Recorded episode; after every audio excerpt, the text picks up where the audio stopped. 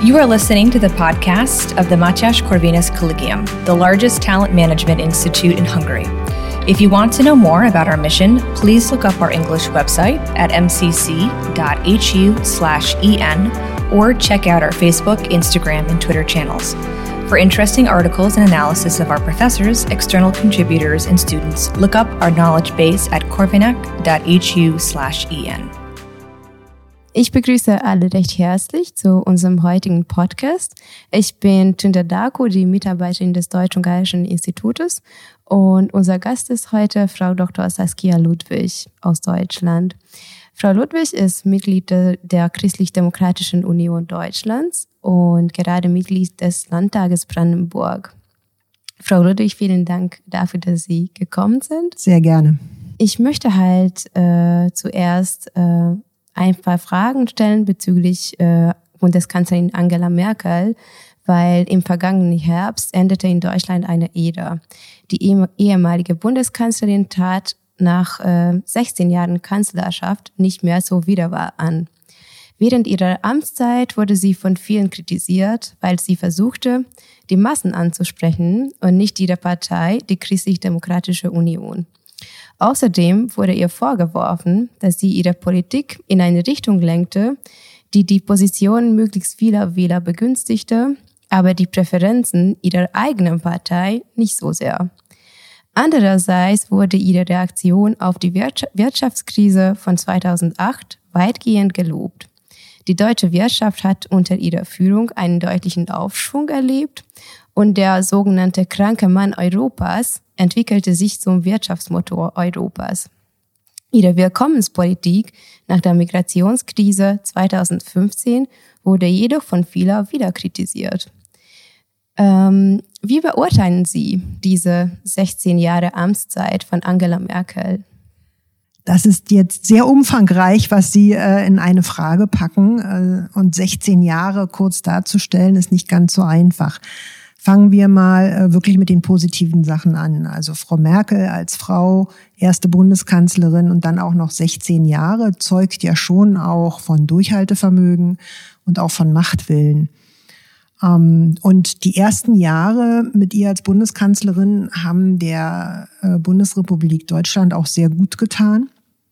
Und man muss auch wirklich sagen, dass ähm, fast die ganze Amtszeit von Frau Merkel ähm, sie eine Krisenmanagerin war. Also es ging relativ schnell los, eben mit 2008 der Finanzkrise. Eine Finanzkrise, wie wir sie noch nicht gesehen hatten. Und ähm, sie war dann auch in der Lage, ein gemeinsames Vorgehen in Europa zu koordinieren. Das muss man ihr an der Stelle wirklich zugute halten. Ähm, sie hatten gesagt, die Partei hätte kritisiert oder würde das nicht gut finden, dass sie ähm, Politik für ähm, die Mehrheit der Bürger macht, für die Massen und weniger für die Partei. Das war nie Kritikpunkt, weil die Mehrheit der Bürger tatsächlich auch bürgerlich sind äh, und wir als CDU eine bürgerliche Partei. Frau Merkel hat irgendwann angefangen, Politik nach dem Gusto der Medien zu machen. Das ist das eigentliche Problem. Und ähm, viele äh, Journalisten und Medienschaffende sind eher links, links, grün. Und das ist nicht unsere Politik, das ist nicht unser Wertegerüst als CDU. Und äh, das hat uns jetzt im Nachgang natürlich auch schwer geschadet. Die letzte Bundestagswahl hat das gezeigt. Sowas kommt dann immer mit Zeitverzögerung. Und ähm, viele haben davor gewarnt innerhalb der CDU, äh, haben davor gewarnt, das äh, konservative Silbergeschirr oder Tafelgeschirr ähm, zu verkaufen, was leider passiert ist. Und ähm, das ist eigentlich der große Kritikpunkt. Die Konsequenz dessen ist, dass die, dieses breite Spektrum, was eine Demokratie hat, was normalerweise horizontal verteilt ist, von rechts bis links, eingeengt wurde. Und wir jetzt mittlerweile einen äh, vertikalen Meinungskorridor haben ähm, auf denen sich fast alle Parteien wiederfinden und äh, Platz gemacht wurde auch für radikale Parteien. Und ähm, bürgerliche Meinungen, die auch rechts der Mitte zu finden sind, ähm, äh, ziemlich schlecht ähm, dargestellt werden. Und äh, das ist ein großes Problem für die Demokratie und den Zusammenhalt in der Gesellschaft. Und was meinen Sie, inwiefern hat äh, die Politik Angela Merkels die deutsche Gesellschaft und äh, eigentlich Deutschland verändert? Wenn überhaupt? Ja, doch. Ähm, Angela Merkel hat Deutschland sehr geprägt. Äh, und zwar leider Gottes in diese Richtung, dass äh, das linke Denken, sozialistische Gedanken ähm, tatsächlich nicht nur salonfähig geworden sind, sondern diese Meinung, dieses Meinungsspektrum sehr laut geworden ist äh, und eine Dominanz erhalten hat bei uns in Deutschland. Und äh, wir auch Angriffe auf die soziale Marktwirtschaft erleben, Angriffe auf die Freiheit der Bürger, auf das Grundgesetz und das ist schon ein großes Problem. Und was denken Sie, was waren die Schwächen Angela Merkels und die Stärken zusammengefasst? Also die Stärken von Angela Merkel äh, waren natürlich ihre pragmatische, ruhige Art, mit Dingen umzugehen, sich auch nicht treiben zu lassen an dem Punkt. Und ähm, auch nach außen hin einen sehr besonnenen ähm, Eindruck zu vermitteln. Und das gibt natürlich Sicherheit für die Bürger. Und das hat auch lange getragen und auch lange ähm, gut zusammengehalten, bis die Krisen, die eben nicht wirklich bewältigt wurden oder nicht angepackt wurden, doch jetzt deutlich sichtbar geworden sind. Und ähm, die Schwächen sind einfach, dass Angela Merkel nicht getragen war von einem Wertegerüst, nicht vom CDU-Wertegerüst, sondern tatsächlich von der Idee und äh, von dem Machtgedanken ähm, zu regieren. Ist nicht unbedingt das Schlechteste, aber es sollte natürlich ähm, die Freiheit und die Demokratie stärken und nicht schwächen. Vielen Dank. Ähm, Gewinner der Bundestagswahlen sind äh, die Sozialdemokratische Partei Deutschlands, die SPD, die Freie Demokratische Partei, die FDP und die Grünen. Wie beurteilen Sie die Zusammenarbeit der drei Parteien bisher? Weil es gibt ja Themen, bei denen äh, sie nicht gleicher Meinung sind. Halten Sie zum Beispiel den Zusammenbruch der Koalition für möglich? Man muss zu den Bundestagswahlen sagen, dass die Volksparteien um die 25 Prozent lagen. Also der Unterschied zwischen CDU und SPD waren ja gerade mal 1,5, 1,6 Prozent. Ähm, was gerne ausgeblendet wird, ist, dass wir mittlerweile einen sehr großen Block von Nichtwählern haben. Das ist mittlerweile ein Viertel der Wahlberechtigten, die nicht wählen gehen. Und darüber muss man sich Gedanken machen. Insofern ist das keine Gewinnerkoalition, diese Ampelkoalition, sondern tatsächlich auch kleine Parteien, die sich zusammengefunden haben zu einer Regierung. Und die FDP hatte bei der letzten Regierungsbildung gesagt, nein, wir machen nicht mit, weil die Inhalte uns nicht passen. Und ähm, musste dieses Mal ähm, definitiv in die Regierung. Und diese Bürde haben sie zu tragen, auch in dieser Koalition. Und ähm, nein, ich glaube nicht, dass sie auseinanderbrechen wird, weil Macht schweißt da schon zusammen und man kann vieles erklären mit Kompromissen. Und das sehen wir jetzt auch. Und äh, die CDU befindet sich gerade in Opposition laut des Wahlergebnisses. Welche Schwierigkeiten hat die Partei seit der Aufstellung der neuen Regierung? Die CDU ist eine Regierungspartei und äh, wir haben ja nicht nur die 16 Jahre mit Angela Merkel regiert, wir hatten ja davor auch eine lange Regierungszeit mit Helmut Kohl und es gab nur kurze Unterbrechungen. Und ähm, die CDU ist in ihrer ganzen Konstruktion, in ihrer Ausrichtung eine Regierungspartei. Das heißt, in so einer Situation umzuschalten auf Opposition ist nicht so einfach. Und da muss sich die Partei erstmal finden und natürlich die Fraktion. Äh, ein weiterer Punkt war, dass ähm, der Kanzlerkandidat Armin Laschet äh, damals gegen den Willen der Basis Parteivorsitzender wurde und äh, die Partei Basis das auch im Wahlkampf sehr übel genommen hat. Da gab es dann auch noch andere Entscheidungen gegen die Basis. Und jetzt haben wir Friedrich Merz als Bundesvorsitzenden und als Fraktionsvorsitzenden, der von der Basis getragen wird. Und ich glaube, dass die Basis da etwas äh, stärker und mehrere Akzente erwartet, als Friedrich Merz es momentan tun kann in dieser Verfasstheit äh, der Fraktion und auch der Partei. Und mit äh, diesen beiden Beinen sozusagen, ja, ein neuer Bundes- und Fraktionsvorsitzender, der aber noch ein bestelltes Haus von Angela Merkel vorfindet. Und äh, diese Ampelregierung, äh, die wirklich schlecht regiert, macht es nicht ganz so einfach. Und wie sieht es aus? Wie bekommt die Partei äh, Informationen? Und hat die Partei jetzt eine Wirkung auf die Bundespolitik?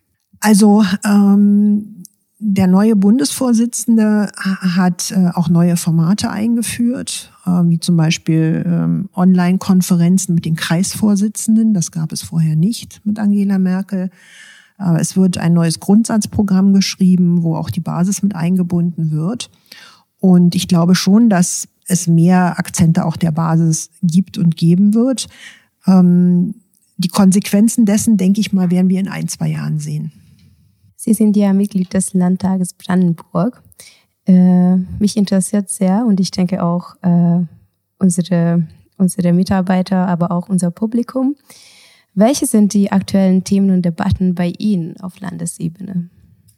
Also wir sind ja ein äh, junges Bundesland. Ähm, 89 gab es ja die friedliche Revolution und ähm, dann hat sich das äh, Bundesland Brandenburg äh, gebildet und wir hatten viele Schwierigkeiten in der Vergangenheit, ähm, was die wirtschaftliche Entwicklung betrifft, Abwanderung, ähm, solche Dinge.